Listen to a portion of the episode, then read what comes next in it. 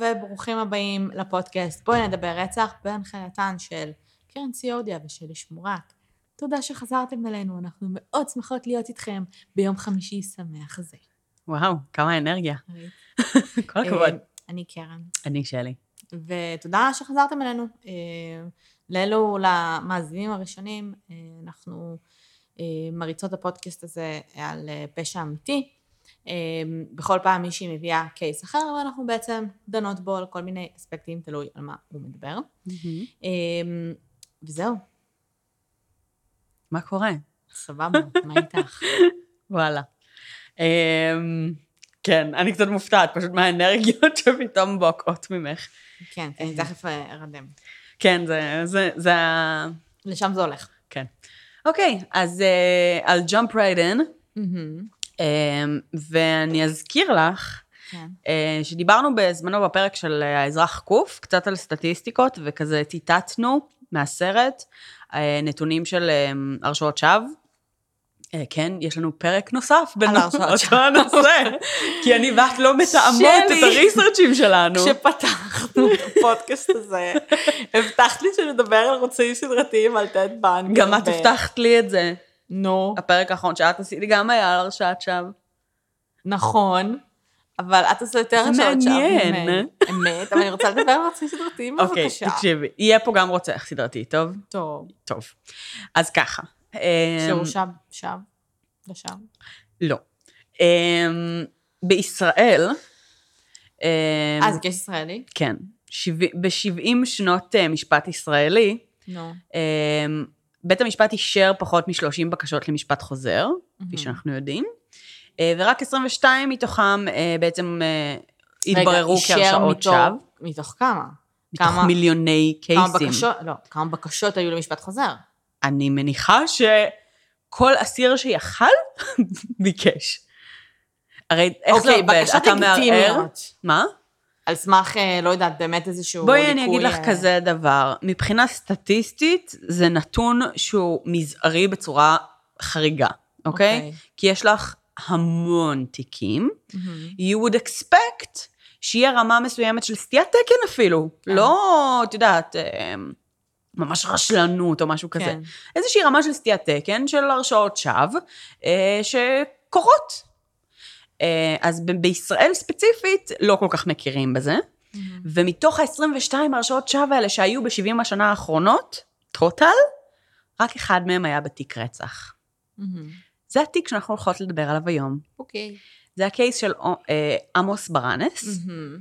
אה, זה המקרה היחיד בישראל בו זוכה אדם שנמצא אשם בתיק רצח, וגם הזיכוי הזה, בואי נגיד, קצת מבאס כשנכנסים לעניינים לעומק. אוקיי. אה, גם פה מדינת ישראל לא חזקה בלקחת אחריות. אוקיי. אז בואי נתחיל מההתחלה, מההתחלה, מההתחלה, נדבר קצת על עמוס ברנס, מי הוא, מה הוא. אז הוא נולד ב-44 בלוב, מהמם. אה, הוא בגיל חמש עלה עם המשפחה שלו לישראל. אה, גדלו באיזשהו אה, יישוב ליד צפת ובאזור מועצה אזורית משגב, למד בעכו, שירת בצנחנים, השתחרר ב-64, מהמם. אה, היה במילואים בתותחנים במלחמת ששת הימים, במלחמת ההתשה בסיני ובמלחמת יום כיפור. וואי וואי וואי. הבחור היה מאוד פעיל. אמ, אחרי שהוא השתחרר הוא למד מכונאות מטוסים, הוא עבד בזה תקופה מסוימת. אה, אחר כך הוא למד בסמינר למדריכי נוער בסיכון. אמ, סליחה, לא בסיכון, מדריכי נוער. אה, במכון אה, בית רוטברג, ושימש שם כמדריך נוער. אה, ובין השאר הוא עבד גם בכל מיני עבודות מזדמנות, בעיריית עכו, הוא היה נהג משאית, אה, בעמידר, כל מיני, את יודעת... אז הוא לא אה, היה יציב תעסוקתית, כאילו? אמ, זה, זה לאורך השנים שלאחר, ה, שלאחר השחרור, הוא החליף כמה עבודות, אמ, אבל זה לא היה, אמ, זה לא, זה לא צויר כמשהו שהוא חריג במיוחד. אוקיי. פשוט בן אדם שעדיין לא לחלוטין מצא את עצמו. אוקיי. אוקיי. אמ,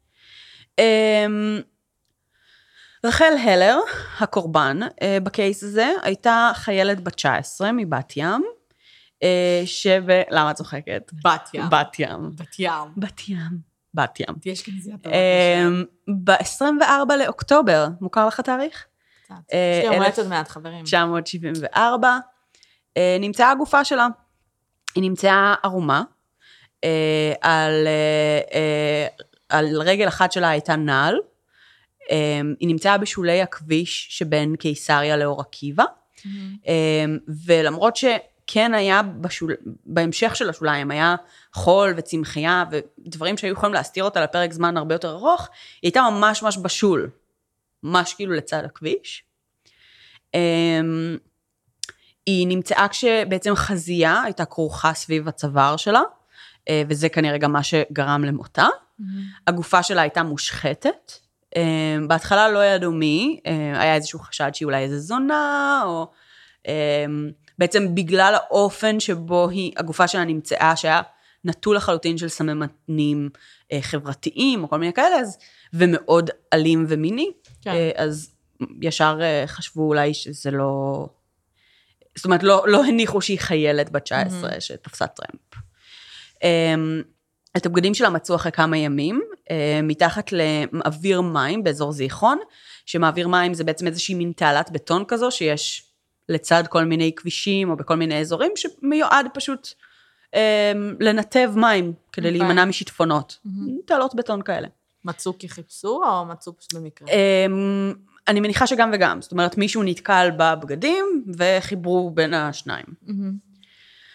אמ, בזירת הרצח אמ, לא הוזמן פתולוג, כי...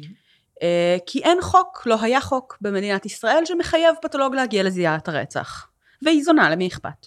אוקיי. אמ, רק 24 שעות לאחר מכן בעצם פתולוג בחן את הגופה, אה, שזה כבר בעייתי. ממש אבל- בעייתי. לא משנה.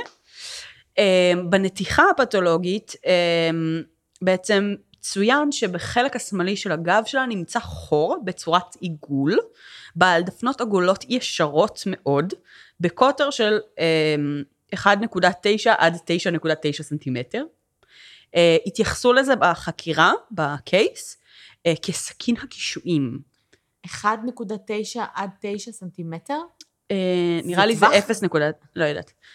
העתקתי את זה מהדוח הפתולוגי, אבל יכול להיות שמשהו פה בהעתקה משהו כן. התמחבש את זה. בכל כן. מקרה, הם, קראו לזה סכין הקישואים, וזה נשמע כמו מין מכשיר כזה להכנה של ממולאים. סבבה? שאתה מחורר. מחורר, הבנתי. אז הם חוררו אותם מהגב עד הריאות. אמ, איזשהו מכשיר מנקב שיש לו שפות חדות מאוד. אה, על הגוף שלה היו שריטות, הרבה מאוד מקומות של שפכי דם. אמ, כשמצאו את הבגדים שלה על המכנסיים נמצא שארית זרע מזערית בגודל של בול בערך. אמ, אבל שנת 74 אין הרבה מה לעשות עם זה, הם מאחסנים את הראיות וחוקרים. אה, בהתחלה למשטרה אין ממש כיוון, די מהר הם מזהים אה, מי הקורבן, מזהים את רחל כאילו הלר. מישהו בשלב מסוים אה, כזה... מחפשים אותה, כן. כן, ואז מחברים. והעובדה שהיא חיילת בת 19 שתפסה טרמפ, שזו פעולה מאוד סטנדרטית, הפעילה המון המון לחץ ציבורי, כן. ואז הוקם בעצם צוות חקירה ראשון. אמ, בצוות החקירה הזה, אה, הוא היה בראשות אה, בחור בשם חנה חדד. אה, הם, הם בעצם הלכו בכיוון חקירה, שהם חשדו בבחור בשם אה, יורם ביחונסקי, אה, שהוא היה סוג של חבר שלה, בן זוג, אוקיי. אה, במשך. כמה שנים. אה, היה ביניהם איזשהו קשר רומנטי, הוא האחרון שראה אותה בחיים. אוקיי. הוא אה, הוריד אותה בטרמפיאדה בארלוזורוב בתל אביב, והיא הייתה בדרך לחיפה. אוקיי. אה, איפה היא הייתה גרה? היא באותו הזמן שהתה בחיפה ב, בבית רוטברג, אוקיי. אנחנו ניכנס לזה אחר כך, אבל... הייתה כאילו בדרך הביתה, תיאורטית. היא הייתה בדרך בעצם למעונות שבהם היא שהתה, כחלק מקורס שהיא הייתה בו אוקיי. במסגרת הצבא. אמ, אז אה, אותו אה, יורם אה, הוא פעיל שמאל רדיקלי, שחששו שהרצח היה לו רקע פוליטי. מה? והם חקרו אותו הרבה זמן. כי היא חיילת? מה? כי היא חיילת. כי היא חיילת, כי הוא כאילו פעיל שמאל רדיקלי, וזה חלק מאוד מרכזי ממי שהוא, והם ניסו לתפור ביניהם את הדבר הזה. טוב. אז הם הציגו את זה. Um, הוא היה נכה צה"ל, וזה נתן לצוות החקירה איזשהו הסבר ללמה הוא לא סחב אותה יותר עמוק לתוך בעצם הטבע, כדי להחביא את הגופה שלה, ורק זרק אותה ב... כאילו? כן. אמ, חדד, מי שהיה ראש החקירה, הוא רצה לבצע מעצר, ו... ובגדול לא אישרו לו. למה?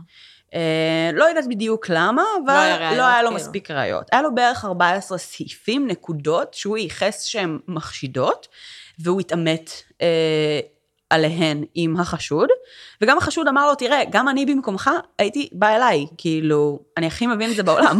אני חשוד רצח, אני יודע. כאילו, אני החשוד המיידי, אני הבן אדם האחרון שראה אותה בחיים, ואני הבן זוג שלה. זה הכי כאילו סטנדרטי היה לו סטטיסטי. איזשהו אליבי של כזה, איפה היה, אחרי שהוא הוריד אותה, לאן הוא נסע, מה הוא עשה. אה, אני לא יודעת בדיוק, וגם המידע הזה די אה, נעלם לאורך השנים, כי בעצם הוא הפסיק, הפסיק להיות, הפסיק להיות החשוד המיידי. בדיוק, הפסיק להיות הפוקוס.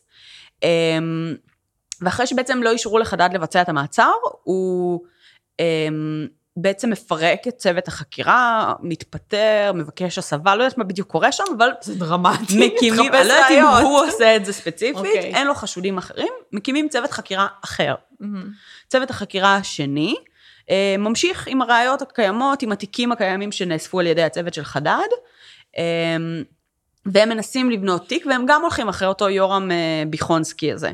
גם הם, לדעתם, הוא החשוד המיידי. אה, ואחרי שהם לא מצליחים לבנות נגדו תיק, הם בעצם משחררים אותו ממעצר, הוא היה במעצר, אה, ואז יש זעם תקשורתי מאוד חזק, כי בעצם בתקשורת כבר פורסם שהוא החשוד. כן. אמ, ו... ובישראל לוקחים את זה מאוד קשה, שבעצם המשטרה עבר כבר הרבה זמן, המשטרה משחררת את החשוד היחיד חשוד, שיש, כן. אין אף אחד אחר. אמ, ובעצם הלחץ הזה גורם לפתיחת צוות חקירה שלישי. אמ, ו... למה כל פעם שצוות חקירה הרגע נכשל, כאילו הוא מפורק, אני לא מבינה. תמשיכו לחפש ראיות נגדו, מה הבעיה? אז כאילו? הם מנסים כאילו להחליף את האנשים כדי אולי לראות אם יש different leads. זה, ככה זה נראה. בסוף? אמ, אז הצוות החקירה השלישי הוא בראשותו של אה, בחור בשם שאול מרקוס, אמ, שמתייחסים אליו קצת כמו, אה, כאילו, הוא הבחור שיגרום לך לדבר, מה שנקרא. הוא. הוא נוכחות מאיימת, אוקיי. אמ, ו- והוא ה-get shit done person. ו... והוא גם מראש נכנס לסיטואציה הזו במטרה להשיג חשוד ו... וכתב אישום מהר. כי אנחנו נמצאים כבר בלחץ אטומי מהציבור. אמ, איך ברנס מתחבר פה? אז ברנס אה, הכיר את רחל הלר מבית רוטברג בחיפה, כי הוא היה מדריך נוער שם, והיא הייתה שם בקורס מטעם הצבא של מורות חיילות. אמ, והוא בעצם פונה בעצמו למשטרה, בתחילת החקירה, ואומר להם, טוב. אני מכיר אותה, אולי אני יכול לעזור בחקירה. אוי ואבוי. הם חוקרים אותו בשלב הראשוני וואלה, הזה, זה חשוד, אחי. הם חוקרים אותו בשלב הראשוני הזה והם משחררים אותו. הוא אומר שהוא הכיר אותה בהיכרות יחסית קצרה ורופפת, אה, לא הייתה קרובה במיוחד, אבל הוא כאילו ידע מי, ואם הוא יכול לעזור באיזשהו אופן, שידברו איתו. צוות החקירה השלישי מחליט לפנות אליו ולחקור אותו שוב. אה, עכשיו לברנס היה ליבי. אה, היה לו חבר בשם ישראל קפקא שנסע איתו באותו יום באוטובוס בחיפה אחרי שהם סיימו איזשהו מבחן שם בבית רוטברג והיה חבר נוסף שבהתחלה שימש כאליבי ואחר כך סירב להעיד פוטנציאלית כי הוא פחד משוטרים לא בטוח אוקיי. לכאורה. אמ, כשהיה צריך לבצע הארכת מעצר לברנס, אה, עצרו אותו? עצרו אותו לחקירה, אבל היה צריך לקבל הארכת מעצר כדי להסביר למה הוא עדיין במעצר. כן. אמ, כי עוד לא, בעצם, לא הוגש עוד כתב לא אישום. האשימו אותו ברצח, אבל היו- רצו להמשיך לחקור אותו. אז בעצם, כדי לעשות את הארכת מעצר, אמ, שני שוטרים אמ, העידו בשבועה שהוא חשוד בביצוע מעשים מגונים בשתי בחורות ובנער, אה, וזו הייתה העילה להמשך המעצר. מה שלא היה. אוקיי. הם לא אמורים לספק איזה שהם ראיות? לא, הם אמרו שיש להם ראיות או וואטאבר. זה רק, אה, זאת אומרת, זה רק דיון... תלונות? זה רק דיון ש, שהמשטרה צריכה לקבל אישור משפטי לבצע פעולה. זה אבל- לא אז תראה לי תלונה משפט. של... בסדר, אבל כאילו... לא, לא ידוע לי על איזה שהם ראיות מפוברקות או משהו כזה, רק על סמך העדות של השוטר, זה בוצע. אמ, כשחקרו את ברנס, אה, הוא היה ארבעה ימים בחקירה, ברצף. ללא שנה, עם אלימות פיזית, אה, סטירות, מכות. שזה אה, לא חוקי. שני האלמנטים האלה לא לא, חוקיים. דיברנו בפרק קודם על זה ששקרים לא חוקיים, אז זה אה, לא חוקי. כן, נכון. אה, איימו עליו שאם הוא לא ישתף פעולה, אז יעצרו גם את בני המשפחה שלו. אה, אנחנו יודעים שזה קרה או שזה גרסה שלו, שזה הוקלט וצולם. ו... אה, בגדול, בשלב הזה, זה היה גרסה שלו, בשלב מאוחר יותר, אנחנו נגיע גם לזה, חלק מהדברים האלה הוחלטו בבית משפט. אוקיי. אה, הוא טען אה, בעצם באמת שהדברים האלה קרו מהרגע הראשון, אה, אבל לקח לו הרבה מאוד שנים להוכיח את זה. אוקיי. אה, אז בעצם בשלב הזה הוא הסכים להודות ולשחזר את הרצח. עכשיו, ההודעה מתועדת, היא כן מצולמת. ויש תיעוד מצולם, שזה כנראה מרקוס, שיושב איתו בחדר, אומר לו, הנה בבקשה תכתוב, והוא כותב, והוא חותם, ואז הוא מחזיר לו, ואז מרקוס מקריא את מה שהוא אמר, אמ, והוא מקריא בעצם איפה הוא רצח אותה, אה, שהוא כאילו יראה לשוטרים, הוא כאילו מתחייב בפניהם. אה, איפה הוא נאבק איתה, איפה הוא זרק את הדברים שלה וכולי וכולי. ובעצם הוא מקריא את ההודעה הזאת בהקלטה, כי הוא צריך גם לחתום עליה בסוף בעצמו. ושנייה לפני שהוא חותם, ברנס אומר בהקלטה, אבל אתה יודע שזה הכל באופן דמיון, נכון? מסכן, הוא בטח כבר היה בפאקינג פסיכוזה אחרי ארבע ש... ימים שהוא לא ישן. זה הכל בדמיון. אמ, הם לוקחים אותו לשחזור, לבצע שחזור לרצח, והשחזור במציאות אורך מעל ארבע שעות. בהקלטה יש 22 דקות. מהמם. אמ, עכשיו, אנחנו יכולים לראות בצילומים אה, גם הרבה מאוד רגעים שבהם המיקרופון מוחזק מאחורי הגב, ומרקוס וברנס מנהלים איזושהי שיחה שאנחנו לא שומעים. אה, סליחה, זה לא מרקוס בהכרח, זה מישהו אחר. אוקיי. אמ, זה משמעותי ל... לאחר כך, כי הם טענו שמרקוס לא היה בשחזור. אמ, ואנחנו רואים בש... ב- בשחזור גם שאין לו מושג איפה הוא. הוא לא יודע להתמצא במרחב, הוא לא יודע לאן הוא אמור ללכת. אה, כאילו, הרצח קרה נגיד X, Y ו-Z, הם יודעים את זה, הוא העיד על זה, אבל הוא לא יודע להוביל למקומות כן. האלה. אה, הוא הולך למקומות הלא נכונים ברמה של כאילו הפוך ממה שהוא אמור ללכת. אה, הוא אומר, כשמגיעים לאזור שבו הוא זרק את הגופה, אז הוא אומר, כן, זרקתי אותה שם 50 מטר, אה, 50-100 מטר כזה מהכביש. עכשיו, זרקו אותה ממש ממש במטר הראשון, ממש בשוליים. והשוטרים יודעים את זה, והם מנסים לכוון אותו. עכשיו, הם גם, הוא גם סוג של מצביע על הצד השני של הכביש, כשבעצם מדובר על הצד הימני והוא מצביע על הצד השמאלי. אז כאילו, כל השחזור מעוות לגמרי, ו, וממש לא אמין. אמ, ו, ואנחנו, וידוע שבעצם באמצע השחזור, כשהם מגיעים ל, לז, לאיפה שנזרקה הגופה, ברנס מסרב להמשיך את השחזור. הוא אה, אה, דופק להם סצנת פרימדונה, ואומר, אה, לא, אני לא למה? מוכן. ובאיזשהו שלב הוא כן ממשיך את השחזור.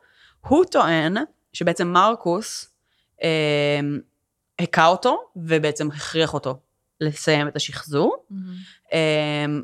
אה, מרקוס טען שהוא בכלל לא היה בזמן השחזור נוכח. שבעצם, ו- וגם כל שאר השוטרים גיבו אותו. ואמרו שהוא לא היה נוכח שם. ואם הוא לא נכח שם, אז מן הסתם הוא לא יכל לפעול באלימות נגדו. אה, ברנס עצמו אמר שהכל הרגיש כמו הצגה. הוא כאילו חשב שהוא באיזה סרט, הוא לא הבין בכלל את ההשלכות של מה שהוא עושה. הוא חשב הוא שאם... לא הבין השלכות של שחזור רצח? זאת אומרת, הוא לא הבין בשלב הזה שהוא הודה? כאילו, בשחזור כבר. מה שהוא חשב שיקרה כשהוא חתם על ההודעה, זה שבעצם בבית המשפט יבינו שזה לא יכול לקרות. הבנתי. שיראו שהפרטים לא תואמים, שהזה לא, כל מיני, כאילו הוא האמין נורא במערכת.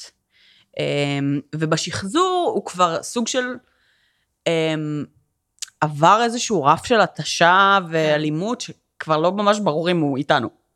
והוא עדיין התנגד במהלך השחזור, זאת אומרת, יש לנו 20 דקות מתוך 4 שעות. נכון. אני לא יודעת מה היה שם כל הארבע שעות נכון. האחרות. אמ, וכאילו, שימי אותי בחדר 4 שעות, תוציא מהקשרם כאילו רבע שעה של שיחה, כן. גם אני יכולה להישמע כאילו הודיתי ברצח. נכון. אמ, אז השוטרים טענו שבעצם מרקוס בכלל לא היה שם, בכלל לא בחקירה, לא בשחזור, שהוא בכלל רק שמר עליו מדי פעם והוא לא היה בכלל. אמ, וואי, ברמה כזה, זה, זה ברמה, כאילו, מכות ו... כאילו, המשטרה הייתה כנופיה קטנה, כאילו, כל מה כן, שהלך שם. כן. אה, בגדול, כאילו, כנראה, הם מקטינים את רמת האלימות, כי בסופו של דבר, אה, כשזה כן בוצעה הרשעה, אז הם השתמשו במילה סתירות, כאילו שהוא סתר לו וכל מיני כאלה, אבל אם משתמשים בניסוחים שברנס השתמש בהם from day one, זה מכות. כאילו, גם סתירה זה... זה יותר עדין מ... את יודעת, זה אותי במכות. סתירה, כאילו. לא היה עליו סימנים, אגב? זה לא כאילו מצב ש... אמ, שואלים שאלות מישהו? אז זהו, הוא בגדול, הוא כן טען שהוא פנה לרופא מהמכון לרפואה משפטית, דוקטור אה, בצלאל בלוך, אה, ואמר לו שכאילו, אותו. שמכים אותו בחקירה. אותו רופא הכחיש את זה, אמר שזה לא קרה, שהוא לא אמר לו את זה, אבל אחרי שבע שנים, הוא אמר שכן. הוא אמר שזה כן, ובעצם כאילו, אה, סוג של הוא פחד כאילו לצאת כנגד המשטרה, הממשלה או whatever, כי הוא בא ממדינה קומוניסטית והוא מפחד מ- מהקג"ב. מהקג"ב. תגידי, זה הקייס שבו אה, השופט שהרשיע אותו אמר on his deathbed, כאילו, do it right? אוקיי, מגניב. אמ, בשחזור ובהודעה, ברנס טוען שהוא אסף את רחל הלר אה, במשאית של אח שלו, אה, והוא בעצם מסיע אותה למקום שבו הוא משליך אותה, וכל ה... והכל מתנהל בעצם באותה משאית. אה, כבר במשפט, האח טוען, המשאית הייתה מקולקלת. באותו הזמן, אתם רוצים לדבר על כאילו means motive and opportunity, כן. לא הייתה משאית, היא הייתה מקולקלת, היא הייתה מוסך. אה, ואפילו אה, מנהל העבודה של האח, שהיה אחראי על הובלות, זאת אומרת גם על המשאיות במקום העבודה, אומר שזה לא יכל לקרות. המשאית לא הייתה בתוקף באותה התקופה. לא היה לה ברקסים, אין סיכוי שהייתה מסוגלת לנסוע, לעצור, כאילו בירידות של חיפה, אין מה מצב. הוא אמר שהיה המניע שלו? למה הוא עשה את זה? אה, היה שם אה, איזשהו בכבוש על זה שהוא התחיל איתה, והיא שיחקה בו, היא אמרה לו כן, ואז היא אמרה לו לא. זה היה משהו מאוד מצוץ מהאצבע, אוקיי. מבחינת ה... בהודעה של ברנס. אז בגדול הם קיבלו בעצם אישור להגיש כתב אישור על סמך ההודעה שלו. כן. אוקיי.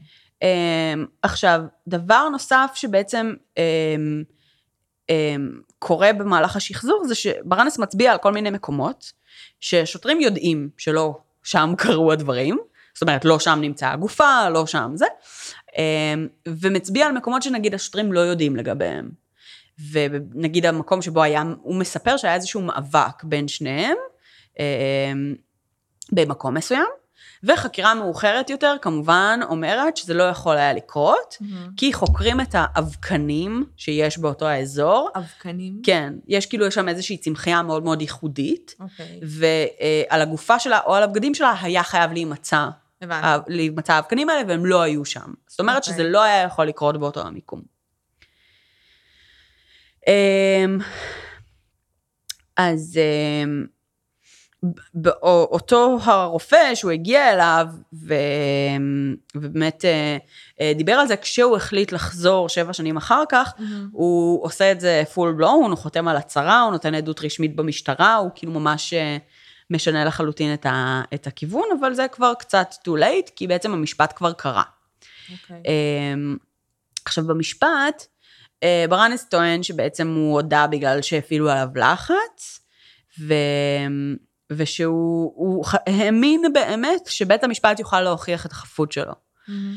אמ, כדי אה, לכלול את ההודעה שלו בתוך המשפט, ביצעו משהו שנקרא משפט זוטה, שזה כמו משפט קטן בתוך משפט גדול, אוקיי. אה, שזה בעצם דיון בנוגע לקבילות של הראייה. ובאותו הדיון הביאו גם איזשהו מומחה פוליגרף, שדיבר על בעצם המצב הגופני של ברנס כששאלו אותו כל מיני שאלות, ואמר שלא היה ניתן לקבוע אם הוא דיבר אמת או שקר, אה, ובסופו של דבר של המשפט זוטה הזה, הוחלט שהראייה קבילה. אוקיי. זאת אומרת, לא הצליחו לשכנע שהיא uh, coerced, לא הצליחו לשכנע שהיא uh, um, הודעת שווא, ולכן נכנסה למשפט. וברגע שהיא נכנסה למשפט, um, למרות שבית המשפט כן העביר ביקורת uh, על שני השוטרים, על מרקוס ואלבז, שנתנו עדות שקר, uh, כי לא היה um, רישום תקין במהלך החקירה כפי שהיה אמור להיות, אוקיי. וכי הם אה, אמרו שהם עוצרים אותו על עדות של מעשים מגונים שלא קרתה מעולם. אה, נכון. עדיין, הבית משפט אומר, יש לנו פה טווח שלם של עדויות משוטרים אחרים, אה, ולכן אנחנו כן בוחרים להמשיך אה, בעצם את המשפט, ואנחנו מרשיעים אותו על סמך העדויות האלה. על סמך התנהלות המשטרה, על אף שהם מציינים במשפט עצמו שהיא הייתה לא תקינה. איך זה הגיוני? כן. איך זה הגיוני שהם בוחרים להרשיע אותו, כאילו, על, על, על, על אף העובדה שההתנהלות של המשטרה לא הייתה תקינה? כי הם אומרים שבעצם יש שני אנשים ספציפיים שההתנהלות שלהם הייתה לא תקינה, אוקיי. בנושא א', ובכל שאר הנושאים יש לך עוד שבעה שמונה שוטרים שמאששים את אותה העדות. אז ברגע שהם כולם אחידים וכולם מצביעים על אותם הראיות, ברנס נראה כהשקרן, ולא הם. אמ, אז למרות זאת, מרשיעים אותו, ו... ומחליטים באמת שהוא שיקר פשוט בכל הדברים האלה, האלימות, הזה, כי אין שום, כל המקומות שהוא אומר, לכו תשאלו את הרופא הזה, ולכו, כל דבר כזה, כולם אומרים, לא קרה ולא נברא. כל פעם הוא אומר כולם משהו, מחפים אחד על השני, כאילו. בדיוק. מפחדים מזה. בדיוק, רגע, כן. איפה התנהל הזה? המשפט?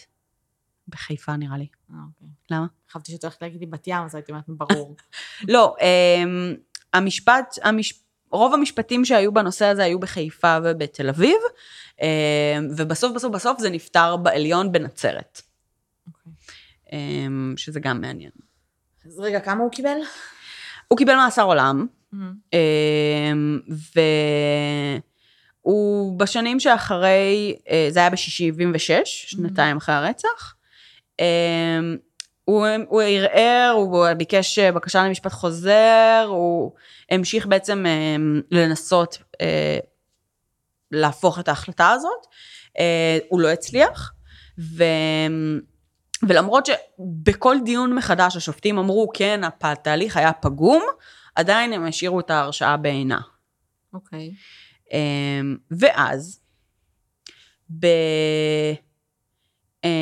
ב-79, אמ, בחור בשם עזרא גולדברג, שהיה אה, מפקד מרחב מרכז של המשטרה, אה, רגע, שהוא- מתי נכנס לכלא? באיזה שנה? 76. אוקיי. ואז 79 זה אומר שלוש שנים אחרי. כן. אוקיי. אז אה, רגע, גולדברג היה אה, אה, מפקד מרחב מרכז, הוא אה, פרש מהמשטרה ב-74. אוקיי. וב-79 הוא מגיע למסקנה, כי לא ברנס רצח את הלר, מתוך חקירה אישית שלו. למה החליט להמשיך לחקור את זה? משהו לא ישב לו טוב, אוקיי. והוא מחליט שיש אנס ורוצח סדרתי, שפועל סדרתי. באותם השנים, באותו האזור, ובעל מאפיינים דומים לפשעים. והוא בעצם מייצר אה, אה, חקירה שלמה, שהוא אחר כך גם מריץ אותה מול אה, כמה פסיכיאטרים ובודק את זה, ומבין שכאילו הוא בונה פרופיל של איזשהו סדיסט מיני שפעל. אה, בשנים האלה אה, ב- באזור הזה. וב-1980 אה, הוא בעצם מביא לכך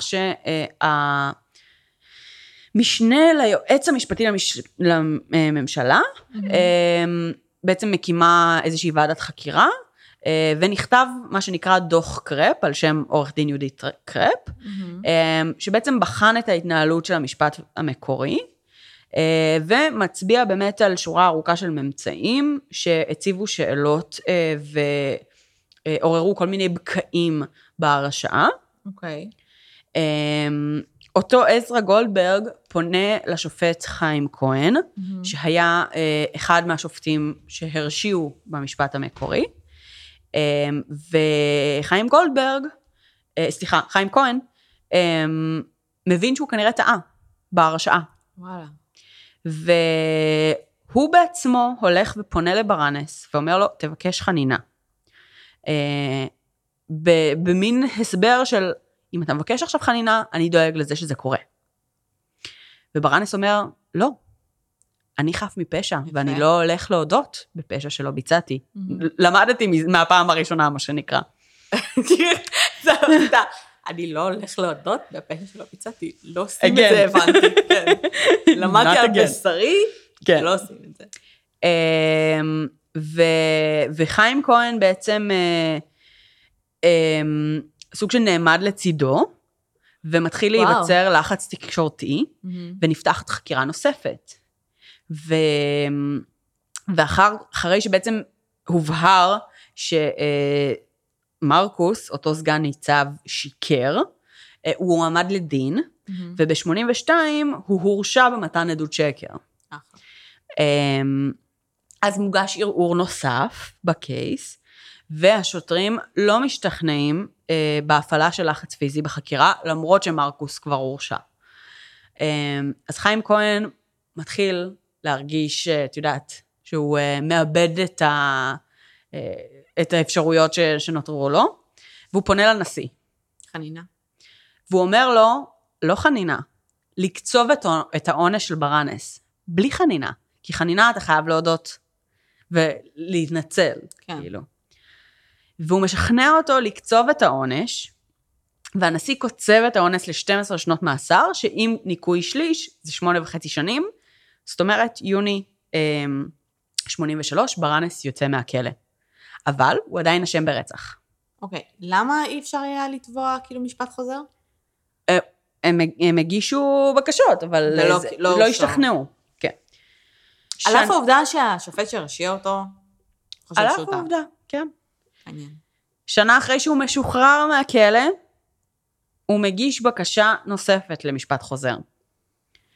ובמרץ 85, אה, השופטת שקיבלה את התיק מסרבת, ואומרת שאין שום ראייה חדשה, ובגדול גם מציעה לו ללכת לטיפול, כי שחרר אחי, אתה אה. כבר כאילו לא בכלא. סבבה. אמ, תהיי את בכלא כמה שנים, אני משחררת, כן. תגידי סבבה, אין בעיה. אבל- עזבו לי רק את החירות לכמה שנים. כן. אבל ב-96, 11 שנה אחר כך, היה איזשהו שינוי בחוק, שבסעיף שקשור למשפט חוזר, וזה גרם לברנס להגיש בקשה למשפט חוזר בפעם השלישית. אמ, זה נדחה שוב, ו... ובשלב הזה בעצם אין תקדים בישראל למישהו שהגיש שלוש פעמים בקשה למשפט חוזר וסירב, ועדיין קיבל משפט חוזר בפעם הרביעית או משהו כזה. אוקיי. זאת אומרת, זה לא קרה לפני כן. אז הוא מיואש, פונה לסנגוריה הציבורית ומבקש עזרה. ועורך דין בשם דיוויד ויינר, אה, שהיה אז סגן הסנגור הציבורי הארצי, מחליט שיש בסיס אה, לבקשה נוספת למשפט חוזר, אה, והוא רותם את הצוות בטירוף, אה, ברמה שהם מביאים את ברי שק. עכשיו, את לא זוכרת את השם הזה, לא.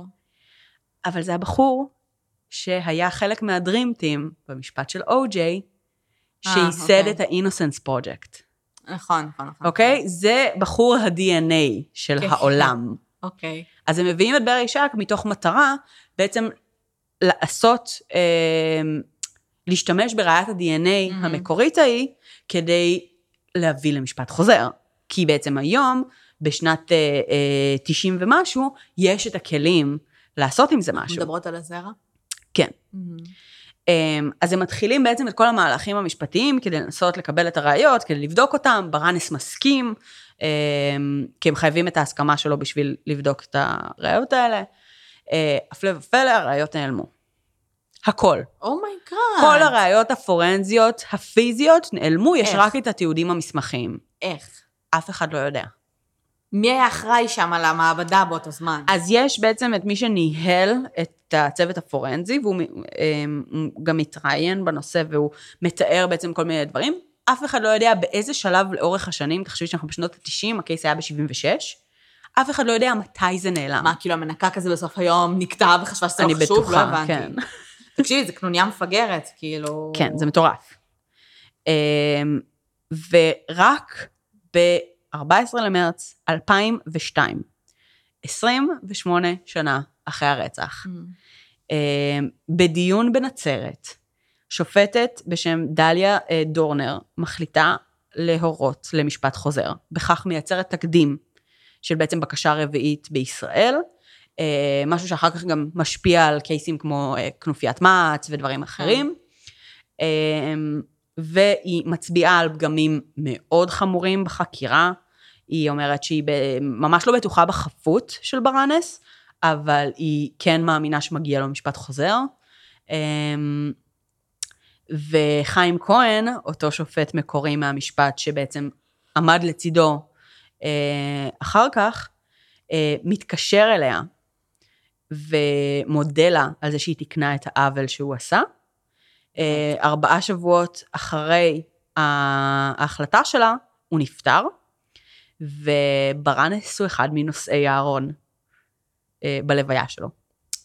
תשמעי, זה מסכן, זה ישב עליו. כאילו, אתה מבין ממש. שעשית, זה, זה, ממש. זה, זה וואחד טעות בעבודה כזאת. ממש. כאילו, זה חיים של בן אדם. אה, ב-11 לדצמבר, זה לא נגמר עדיין, אוקיי? אמ, התביעה מחליטה לחזור בה מכתב האישום נגד ברנס. אז היא פשוט לא מאשימה אותו יותר. זה אומר שהם לא הולכים למשפט חוזר. רגע. הוא הורשע ברצח. באיזה, ש... באיזה מצב הוא נמצא כרגע?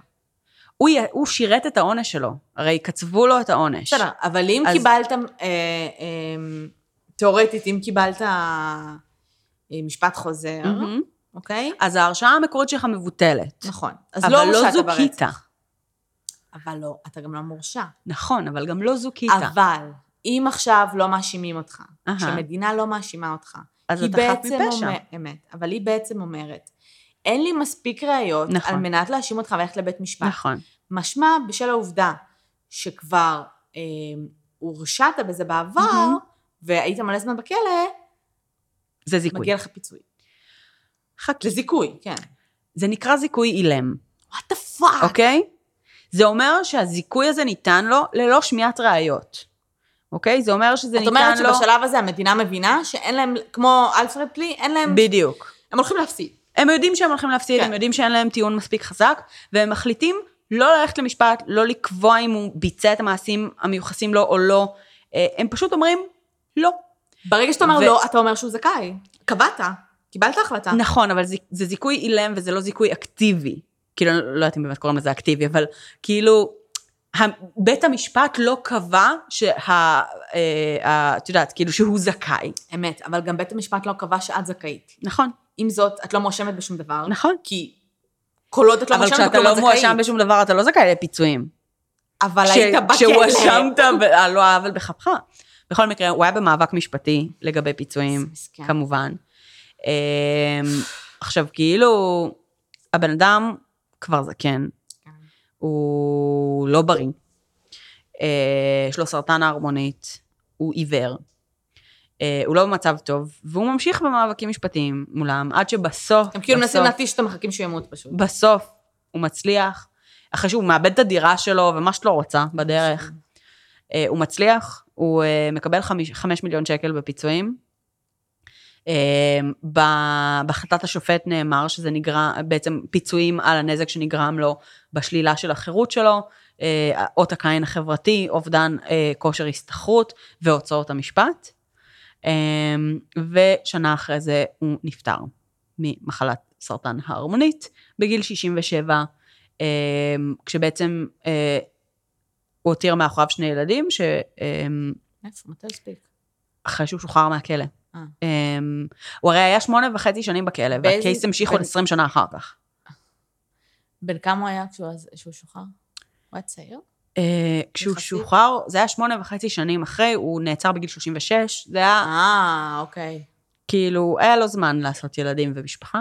אה, הם היו גם קצת מסכנים, את יודעת, כאילו, יש רעיונות שבעצם ילדים יושבים לצידו ומספרים, ילד כזה וכזה אמר לי שאבא שלי רוצח, וכאילו, זה... וואי, חמש מיליון שקל זה כלום. מה? על מה שהוא עבר זה כלום. אמ, את אומרת, זה כלום, אבל אה, כאילו... על מה שהוא עבר. עזבי את ה- עזבי את בארצות הכלא. הברית, אם אני לא טועה, יש איזה, כאילו... יש חישוב לזה כאילו? יש חישוב, ולדעתי מהמדינה, אם אתה מקבל פיצויים מהמדינה, זה מיליון דולר על כל שנה. משהו כזה. אוקיי. אמ, אני- זה כאילו רפלי, מה שאני אומרת, אבל, אה, אבל כן, זה יחסית מעט לכמות הבלגן שעשו לו בחיים. מיליון דולר לשנה זה נשמע לגיטימי. כן. אז פה, יותר. ספציפית, עזבי את הכלא שהוא היה, כל מה שהוא עבר אחרי, כאילו. כן. אה, עיריית עכו, אגב, אה, שמו אנדרטה במרכז העיר, לזכרו. אוקיי. ב-2013. הקייס של רחל הלר לא נפתר. יש באמת את תיאוריית רוצח כביש החוף. ש... אבל היו לו עוד קורבנות, כאילו. שבעצם על פי אה, גולדברג, שעשה בעצם את כל החקירה הזו, יש כשש-שבע נשים אה, וואו. שנרצחו באזור השרון, אה, שנמצאו עם נעל אחת, גופתיהן הושחתו, אה, רצח עם רקע מיני, נזרקו. נמצאו עם נעל אחת? כן. זה, יואו, זה סיגנצ'ר? הייתי בטוחה שזה פשוט בטעות. כל מיני באמת אה, מאפיינים אה, אה, מאוד דומים. כאילו. וזה כאילו לכל אורך כביש החוף נמצאו הגופות, עם דגש על אזור השרון, ממה שאני מבינה. והחבר'ה של צל של אמת עושים עונה, סדרה וואטאבר, כן, על, על חקירה של רוצח כביש החוף. אז זה עדיין כאילו לא נפתר. הוא לא ייפתר, אני מניחה שהוא מת. גם אם הוא מת, את יודעת, אולי יעלו על זה מתישהו, יש את ה Golden State Killer כדי להחזיק, אה, כן. להגיד שלפעמים דברים נפתרים גם ב delay, אבל... אמ, זה ה case היחיד שמדינת ישראל הייתה מוכנה להודות בטעותה. וזה גם, כאילו, וזה... ככה הם הודו, כאילו, בדיוק, הפוך על הפוך. בדיוק. זה כל כך עצוב. אז זה, זה ממש מרגיש כאילו באו ועשו להם כמו שלוקחים לילד, אה, כאילו ילדים קטנים, לוקחים, תופסים לך את היד מאחורה, נכון? מהמם. ומסובבים לך ככה את היד, ככה עשו עד שכאילו הם פשוט אמרו בסדר, בסדר. טוב שהם לא עקרו את היד מהמקום עד ממש, שמדינת זה ישראל באה. ואמרה, טוב, בסדר, אנחנו לא נתבע אותו. זה מטורף. זה מטורף העובדה שהם שחררו אותו, מהמם. והם כזה, אוקיי, אז כאילו מה, מה עושים עכשיו? בינתיים כאילו... העובדה שהוא ממשיך, המשיך להילחם על החופש שלו, תשמעי, זה לא מפתיע, זה כמו, בדיוק כמו ה-3 וה Alford plea. שחררו אותם החוצה, הם ממשיכים במאבקים משפטיים ומנסים להוכיח את החפות שלהם. אמת, אבל הם אה, קצת כאילו חיים את החיים שלהם, זה נשמע כאילו הוא... כן. תשמעי, הוא, להם גם היה, בואי, הוא יצא עם כלום, כלום. עם כלום. להם אמ, היה את ה foun- את ה foundations, היה להם מלא מלא, כאילו fucking רוביות, בסדר? המון תמיכה. המון אה, תמיכה. אני יכולה להגיד לך שעמוס ברנס, מכל הרעיונות שראיתי והסרט שראיתי שנעשה למקרה, אה, היה בן אדם ממש קשה. כאילו... תראי, אני מניחה שזה גם החוויה שעיצבה אותו לזה, כן? Well. זה כמו שאמרנו כאילו, שדמיאן להניח. נהיה מעצבן. כן. כן, הוא היה בכלא מה אמ, הוא קשה, הוא מעצבן, הוא נואם כל הזמן, אני הוא כל אותו. הזמן מנסה to get heard. אני אמ, מבינה אותו. והוא לא שחרר, הוא היה obsessed about it, הוא לעת, ממש כאילו לפני שהוא מת, מראיינים אותו כשהוא כבר עיוור וחולה, ו- ושואלים אותו כאילו, איך החיים בעצם מאז שהוא שוחרר מהכלא, והוא אומר, same, כאילו זה אותו הדבר, אני עדיין באותו מאבק, אני עדיין, כאילו, מבחינת העובדה שהוא הלך והקים משפחה, זה כזה, זה, זה סוג של פוקס שהוא הצליח, כי הוא היה לגמרי אובססיבי על התיק הזה ועל להוכיח את החפות שלו, אמ, ועל לתקן את הטעות שהוא עשה בהודעה. אמ, ו... וכאילו, וואי, הוא בטח ישב בכלא ופשוט הלקה את עצמו בלי סוף על ההודעה הזאת. כשמראיינים אותו מהכלא עוד, ומדברים איתו על החנינה וכל מיני כאלה, את רואה בן אדם לוחמני, שאומר, אני אוכיח את החפות שלי ויהי מה, ואם לא, אני ארקב כאן בתוך כותלי הכלא הזה. וכאילו, וזהו, זה ומראיינים אותו. נהיה החיים שלו. זה נהיה החיים שלו. מה לעשות. וכשמראיינים אותו בתקשורת, אז הוא נואם, ואת יודעת, כאילו, אנשי תקשורת נורא אוהבים אותו, כי הקייס הזה נורא נוצץ ורוצים כן. לדבר עליו, ומצד שני, הוא עצבן אנשים כשהוא מגיע להתראיין במקומות, והוא לא נותן להם לדבר. כאילו, הבנתי. הוא קצת מעצבן, אבל אפשר להבין אותו. באמת, כאילו, אני ממש מבינה אותו. אני, כן. אני חושבת שאם 28 שנה אתה מנסה שיקשיבו לך, כן. אתה לא. תיתן לאחרים לדבר, אתה, אתה, אתה fucking תצעק. אז אה, כן, אז אה, זה הפעם היחידה שמדינת ישראל הודתה בטעות, וזה ממש fucking עצוב, כי סטטיסטית אין שום fucking סיכוי שזה המקרה היחיד בישראל של הרשעת שווא. אמ, ולא יודעת, זה היה ממש כאילו מלחיץ. זה ממש מלחיץ. כן. אה, זהו. ישראל פשוט חזקים. יש את הקטע של, של הנשיא וחנינות וזה. אז תמיד הולכים על זה. כי אתה, למי יש כוח להילחם? בסוף אתה, המטרה שלך זה לצאת. מהכלא וזה, ואז כאילו משחקים על הקטע של החנינה. תראי, גם אה, פה זה הרוב עסקאות טיעון, כן? גם בישראל. נכון. אז כאילו כל הקטע של משפט, נגיד רק עם זדורוב, זה כאילו קייס כל כך מתוקשר. ובלה בלה. ושוב, זה נבע נטו מ... את יודעת, מחקירה והליך משפטי שהוא לא היה תקין. בסוף נכון. יכול מאוד להיות מצב שבו אף אחד לא מודה בכלום. בן אדם מורשע, נכון. על, על, והוא חף מפשע. נכון. והחקירה הייתה לא מספיק יסודית, אבל היא לא הייתה, בוא נגיד, רוויית אלימות ושקרים. נכון. אה, וזה גם יכול לקרות. גם ספציפית מה שקרה פה, זה שכנראה שאף אחד לא רצה לקחת אחריות על כן. fuck-up של מישהו אחר. וכשזה, ככל שזה המשיך, אז כבר היה כל כך הרבה ראיות שגיבו אה, מסביב, שרק בשלב מאוד מאוחר, כשאת יודעת, כאילו חזרו לכל האנשים האלה וכולם אמרו, אה, ברור, זה היה שקר, ואה, כן, זה היה שקר, וכאילו מלא אנשים came forward, הם לא פחדו אמ, לדבר יותר, כאילו. כן, אה, הצלם שצילם את השחזור באיזושהי נקודה הפך לעד מדינה, ו- וסיפר שכאילו, שהיה שם ממש פיברוק של השחזור, שהשחזור פוברק, והם הצליחו, הם צוטטו אחר כך לשוטרים האלה, שדיברו אה, בטלפון אחד עם השני, וכאילו, וזה פשוט היה מין כזה כדור שלג, שאף אחד לא... כולם שם פחדו מ... איך קוראים לו? מרקוס? כן, ואם הוא היה כזה בריון, וכולם פחדו אחד מהשני, כולם פחדו על העבודה שלהם, כולם פחדו כן. על המעמד שלהם. וגם ברגע שכבר... ושיקרו, פשוט מה- ברגע שיקרו. ששיקר, שמישהו אחד שיקר, אז אתה כבר מגן עליו, ואז עוד אחד, ואז עוד אחד, ועוד אחד, וכבר בסופו של דבר כולם מגנים על כולם. אז זה, זה הפך להיות עץ כזה, שבית המשפט בא ואמר, מה, אני עכשיו אגיד שכל השמונה שוטרים נכון. האלה שיקרו? כאילו, למה אני עוד צריך להכניס את עצמי לברוך הזה? עכשיו, כאילו... בגלל, בשביל להימנע מדברים כאלה, של להחליט מי שיקר ומי לא שיקר, בשביל זה צריך הקלטות וצילומים Mm, וכל mm. חומר הגלם, כדי לראות אותו בצורה שהיא אובייקטיבית. נכון. לא צריך להאמין, ברור שאני לא אאמין לנאשם ברצח, לעומת אה, תחנת משטרה שלמה, זה לא הגיוני שכולם נכון. ישקרו הרי. טוב, עצוב מאוד. כן. עצוב מאוד, כאילו, על החיים שלו כזה, כאילו. כן. שנהרסו, אה, עצוב על ה... לא עצוב, דווקא... תראה, אין, אין לי שום כעס על ה... על השופט הזה, כאילו... ברור. כי בסוף כל המטרה זה לא אל תעשו טעויות, זה תעשו טעויות, תודו בהם. נכון. הבנתם שעשיתם טעות? מערכת המשפט אמורה להיות מסוגלת להתמודד עם הטעויות שלה. כן. אה, היא אמורה. ספציפית בישראל כרגע, בהתחשב בעובדה שזה הקייס היחיד בתיק רצח שאי פעם זוכה, המערכת היום בישראל לא יודעת להתמודד עם הטעויות שלה, ו- וזו בעיה מאוד מאוד גדולה. כי זה כאילו, כי טעויות נעשות, אין מה לעשות. אין מה לעשות. אז, סטטיסטית חייבות כן. להיות טעויות. יש כרגע במדינת ישראל אנשים שנמצאים בכלא והם חפים מפשע. כן. נקודה. נקודה.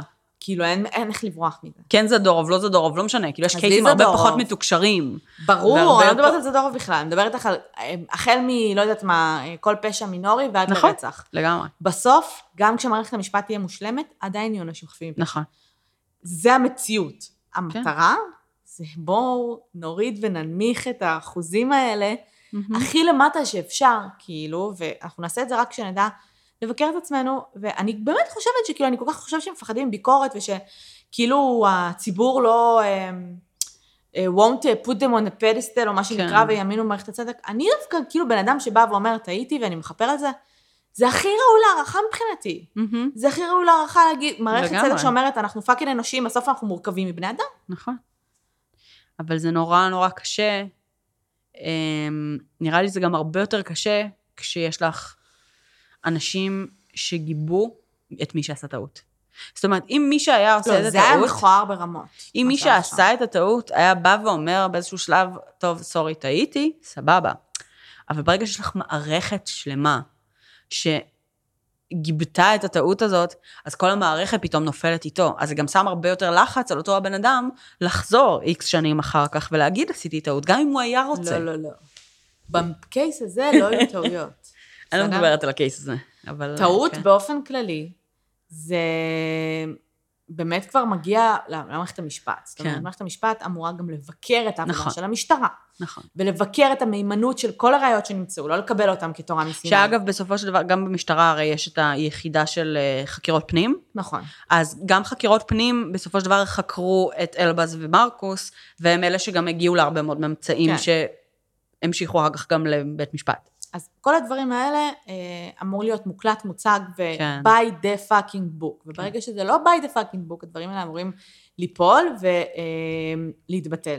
במקרה הזה, לא היה שם מישהו שעשה טעות, כן. היה שם הרבה בזדון מוחלט זה- להרשיע את הבן אדם. בדיוק, זה הייתה מערכת שלמה שאמרה, אוקיי, אני זורק לפח הליכי עבודה, זורק לפח. אני צריך אני צריך, עכשיו. בדיוק, כי אני צריך כרגע תשובה. אני כן. צריך פתרון, לא מעניין אותי הדרך. ולחלוטין, כאילו, דיברנו בקייס הקודם, בפרק הקודם, על הליכים, הליכים כאילו בעצם שהשוטרים האלה עשו הליכים אה, לא תקינים, אז גם כאן, התיעודים, כל הדברים היו לא תקינים, לא היו תיעודים כפי שהיה אמור להיות, אה, הרבה מאוד דברים היו חסרים. אבל זה מרגיש כאילו שם, בקייס ההוא, זו הייתה היה פשוט רשלנות רשלנות ודביליזם, ופה זה היה פשוט בזדון. מכוון. זה היה כן. מכוון, כי הם יודעים שהוא לא אשם, הם יודעים שמפילים עליו עכשיו תיק, ואם אין לי תיעודים... תראי, אני לא בטוחה שהם יודעים שהוא לא אשם, לדעתי הם חשבו שהוא אשם, אבל הם פשוט אה, בסדר. הלבישו את זה. חשבו ב- שהוא אשם, תקשיבי, אם את. חוש... גם אם את חושבת שבן אדם אשם, אם את רואה את ההודעה שלו, ואז את רואה את השחזור שלו, נראה לי שאת מצליחה להבין שהוא לא, או שיש שם איזושהי בעיה. כן, אז כבר הלכת רחוק מדי אחרי ההודעה, כן. כן. כבר מרגישה יותר מדי בבוץ, ואת אומרת כאילו, אבל זה היה בזדון לגמרי. כן. עכשיו, מבחינת נגיד התקשורת וציבור, מהמם. מאוד מאוד קריטי לשים את המשטרה באור הזרקורים ולהגיד להם, תעשו את העבודה שלכם, סבבה. מהמם. אבל אה, תהליכים לוקחים זמן, נכון. 28 שנה. ולפעמים קייסים לא נפתרים, כן. ולפעמים זה לא ה... אה, ברור, יש לי חשוד תוך ארבע שניות, מהמם. והלחץ המפגר הזה, שלפעמים מנסים להוציא את המשטרה, לא כן. יודעת מה, גורם לדברים האלה. כאילו, ברור, נכון. אז צריך לקחת גם את זה בחשבון. לגמרי. גם תשמעי, אנחנו מדברים על זה שהקייס הזה קרה ב-74, וכאילו אפילו ה-FBI רק היו בראשית, כאילו, יחידת הפרופילאות. רצח סדרתי, פשעים סדרתיים, זה משהו שבישראל עד היום לא יודעים איך להתמודד איתו. נכון. אמ, אז כאילו בטוח שבאותם השנים, העובדה שהיום יש בכלל את התיאוריה הזו וחיברו את הנקודות, זה סוג של מדהים. כן. אה, בטוח שלחבר את זה בזמן אמת, כשמוצאים גופה באמצע שום מקום, בלי שום סוג בלחץ של זמן. בדיוק, בלי, בלי שום סוג של אה, כלום, כאילו, לא, לא סכסוך, לא אה, כנופיות, לא שום דבר שאתה יכול לחבר לאיזשהו מניע. אה, אז כאילו הם ירו באפלה, ובאיזשהו שלב הלחץ התקשורתי זה באמת מה שגרם לזה בסופו של דבר, כי בסופו של דבר אמרו, אוקיי, אנחנו חייבים למצוא פתרון עכשיו, אז אנחנו נעשה את זה בכל מחיר. אוקיי. אחלה, אז עוד קייס על הרשעות שווא. כן, אה, נראה שבקייס הבא ננסה לדבר על רצח. כן, קרה. כן, כאילו, סדרתי, אולי, סדרתי אולי. נראה. אה, מגניב. אה, קלאסי אולי. כן, ספרו לנו מה אתם חושבים. על כל האספקטים ועל כל הדברים כן. שאפשר לדבר עליהם על הקייס הזה, כי הוא כל כך רחב. לגמרי, ולדעתי אפשר לעשות עוד איזה כמה פרקים לפחות על החקירה של, אה, של כאילו רוצח כביש החוף וכל כן. מיני כאלה. תגידי, אם אה, אמרת ששלוש פעמים אמרו לו לא, מהמם. במשפט חוזר, וזה התקדים שאמרו לו פעם רביעית, מהמם. האם היה תקדים בישראל שמישהו זוכה אחרי שהוא הורשע בעליון? אין לדעת. נחכה ונראה. אה, לגמרי, אין לי מושג. אני חושבת שכן. כי אתה מערער עד שאתה מגיע לעליון, ואז אתה מבקש משפט חוזר. לא? ככה זה עובד. אבל עשו לו משפט חוזר. והוא הורשע. נו. לא, אבל אני אומרת שכנראה שלפני שעשו לו את המשפט חוזר, הוא כנראה הגיע לעליון קודם, נכון. ואז הוא הורשע בו בעליון. בעליון. ואז הוא זוכה ב- בעליון. שוב. כאילו, נראה לי. בקשה למשפט חוזר. אני מדברת על זדורוב. הבנתי שאת מתייחסת לזה דור, אבל אני פשוט מתייחסת רגע על, על הבסיס של התקדים לא, הזה. ל- הוא לא הורשע בעליון שלך. עמוס. הוא לא. הורשע בעליון, להפך, בעליון הוא קיבל את האופציה למשפט חוזר, במשפט החוזר הוא זוכה. אוקיי, אני לא, אני לא בטוחה פשוט כמה אה, ערעורים לא היו לפני. זה. הוא קיבל משפט חוזר, ואז הם בכלל החליטו לא, לא, כן. לא לגשת למשפט חוזר. כן. אז פה, הוא כאילו קיבל משפט חוזר, כן. והורשע שוב. כן, פעם שלישית שהוא הורשע, נכון? דורוב? פעמיים בבית. משפט רגיל? זה, זה בשלוש ערכאות משפטיות, נראה לי, כן. שזה כאילו לא שלוש משפטים, אלא שלוש סוגים של כן, כן. טוב, נחכה ונראה. כן, לגמרי. כן, שלי, הספיץ'.